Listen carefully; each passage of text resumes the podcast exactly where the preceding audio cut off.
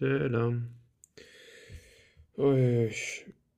Yaratıcı birisi olmanın verdiği şeylerden bir tanesi de ilham bulmakta zorlanmak aslında. E, bu podcast'in de son birkaç haftadır bölümünün olmamasının sebebi aslında benim de ilham bulmakta zorlanmam. Ama bunun üstesinden gelmek için aslında konuşabileceğimiz en güzel konu da bir yaratıcı olmanın ne demek olduğu ve yaratıcı bir insan olarak kendini tanımlayan herkesin de aslında empati kurabileceğini düşündüğüm şeyler hakkında konuşmak diye düşünüyorum. O yüzden yani önümüzdeki birkaç bölüm boyunca aslında bu konu hakkında konuşmak istiyorum.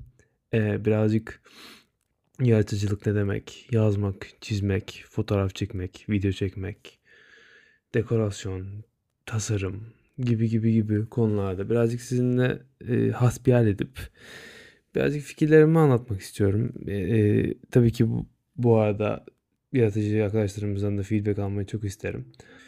Bölüme hoş geldiniz. Of be adam. Yeniden burada.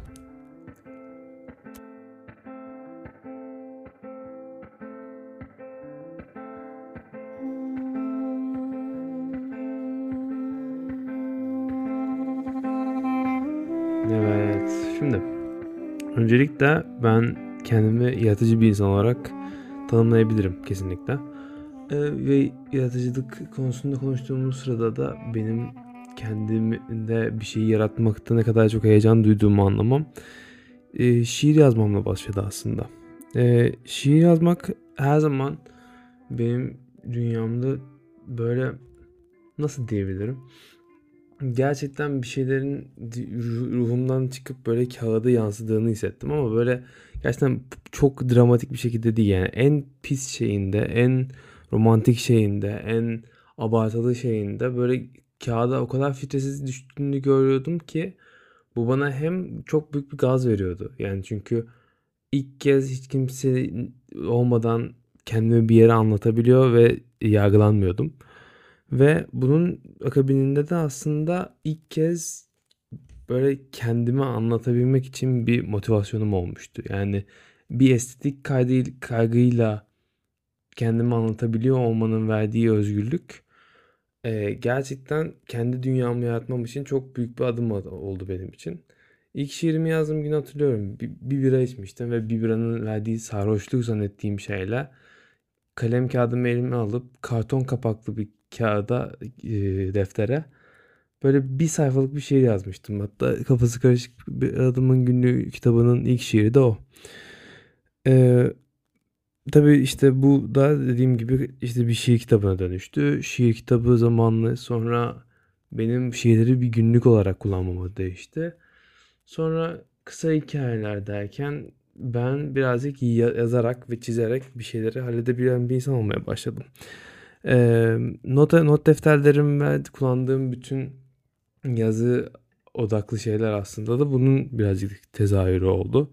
Yani yazı yazarak kendimi anlatabiliyor olmanın ne kadar ilginç bir şey olduğunu size anlatamam. Yani hayatımda beyaz bir kağıda karşı duyduğum kadar böyle anksiyeteyi herhalde başka hiçbir başka hiçbir yerde duymamışımdır. O yüzden hatta böyle e, şey sınavlı yazı sınavlarına girdiğimde de beyaz bir kağıt olduğu zaman böyle bir soru ve bomboş bir kağıt olduğu zaman aynı anda çok büyük bir anksiyete ve çok da büyük bir heyecan duyuyorum. Yani bir şeyleri kendim yapacağım ve şimdi işte bir saat boyunca yazı yazacağım gibi bir yerden yaklaşıyorum. O yüzden her zaman beni çok heyecanlandırıyor bu aslında.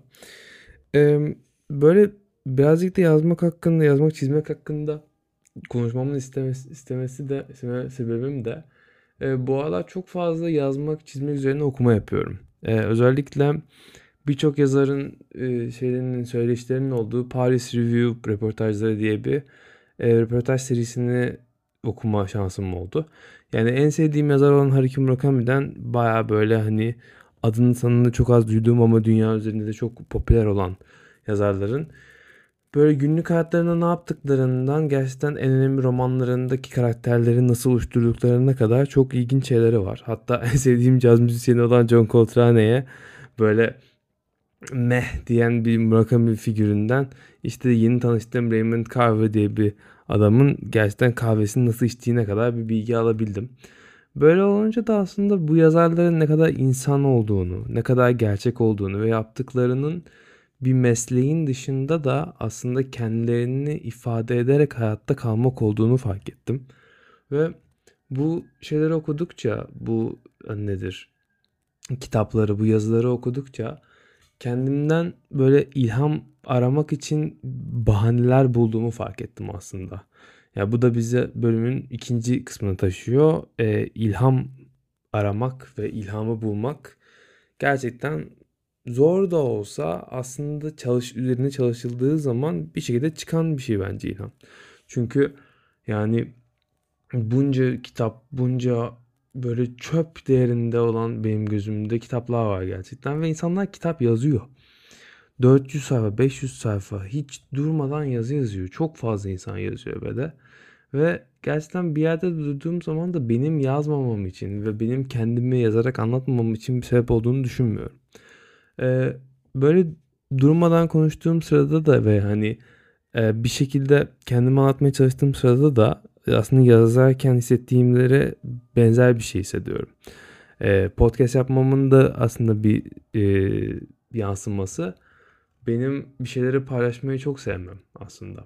Yani bir hikaye anlatmayı çok severim. Hatta bazen kendimi yakaladığım da oluyor. Bir hikayeyi daha ilginç kılabileceğimi hissettiğim oluyorsa ve bir insana zaten anlatmışsam ve başka bir insana da aynı hikayeyi anlatacaksam o hikayeye bir şey ekleyip çıkarttığımda bir insanın e, ve vereceği tepkiye göre o hikayeyi değiştiriyorum. Ve o hikayeyi değiştirdiğimde de aslında birebir konuşurken bir hikaye yazmış gibi hissediyorum. Yani böyle insanların insanların hakkındaki şeylerle oynamak, farklı farklı yerlerden ilham aldığım sırada kendime kendime orada bir fırsat yaratmayı çok severim aslında.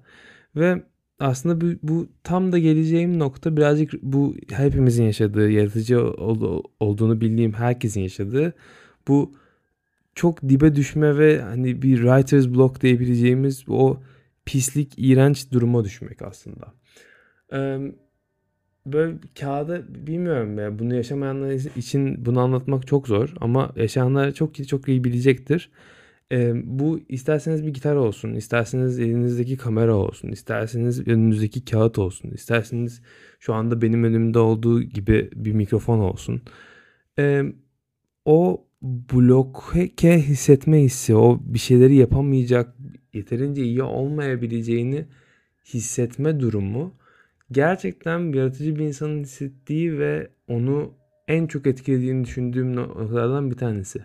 Çok fazla tanıdığım insan böyle bir şey yaşadıktan sonra geri dönüp yaptığı işi çöp, kötü, berbat gibi şeyler söyleyip bir kenara koyup bir daha da asla yüzüne bakmıyor. Bazı insanlar da gerçekten bu, bunu e, peşinden gitme cesareti gösteren insanlar da aynı zamanda çok başarılı yerlere gelebiliyorlar. Yani etrafımda müzik grubu olan, olan insanlardan kendi sergilerini açmaya çalışan insanlara, e, fotoğrafçılık için başka bir ülkeye giden insanlardan e, kendi şiirlerini ve, ve fanzinlerini basan insanlara kadar bir sürü insan var. Ve onları görüp onların deneyimlerinden ilham aldığım zaman da e, birazcık cesaret buluyorum aslında. Yani bu birazcık günlük kısmındayız aslında şu anda Of Bir Adam'ın. O yüzden aslında konudan konuya zıplıyorum. Ama umarım dediklerim yaratıcı insanların gerçekten kulağında bir çınlıyor ve onlara bir motivasyon veriyordur. Çünkü e, bilin ki ben de bu, e, geçtiğimiz birkaç haftadır aslında bununla uğraşıyorum. E, yeni bir şeyi yapmanın ve bir şey bir içeriği üretmenin verdiği pozitif e, hissi bir şeyi doğru yapabilmenin verdiği korkuyla karşılaştırdığımız zaman gerçekten e, olaylar birazcık karışmaya başlıyor. Yani iyi yapabilecek miyim korkusunu ne zaman ki yeni bir şey yapmanın heyecanını bastırıyor. O zaman tabiri caizse e, birazcık sıçıyoruz aslında. Yani orada gerçekten duvara toslayıp bir şeylerin yanlış gittiğini fark ediyorsun ve o yanlış gittiğini fark ettiğin noktada da aslında bir adım atıp yeni bir şeyi yaratıp onu da onu da siz yani benim şeyimde e, tarafımda siz dinleyicilere sunmak aslında büyük bir cesaret istiyor. Ne kadar çok beklersem de o kadar daha, daha korkunç oluyor aslında. Ve birkaç haftadır yani sevdiğim ve çok da saygı duyduğum insanlarla konuştuğumda da e, yeni bir şey paylaşmaktan birazcık kendimi alıkoyduğumu fark ettim. Ve o yüzden şu anda aslında bir pazartesi günü mikrofonun karşısında geçip yaklaşık bir böyle birazcık konuşup birazcık da aslında kendimi size anlatmak istedim. Ee, bugünün konusu aslında ilham ve yazı yazmaktı. Ee, bu bölüm birazcık 10 dakikalık olacak. Bir güzel bir şarkı ve güzel bir outro ile sizi uğurluyorum aslında şu anda. Ee, önümüzdeki bölümlerde de yani bu önümüzdeki beşer günde gelecek bölümlerde de birazcık bu yazı yazmakın dışındaki olan yaratıcılık süreçlerinden bahsedeceğim. Ee, belki birkaç kişiyle konuşurum. Belki e, etrafımdaki insanlardan fikir alır ve onların da e, ses kayıtlarını size iletirim. Ama e, buraya bugüne kadar gelene kadar bana beni biraz itekleyen, e, bana küçük küçük sinyaller verip e, benim yeniden yolu yoluma koyulmama sebep olan herkese teşekkür ederim. E, iştenlikle, güzellikle görüşürüz. Kendinize iyi bakın. I'm back.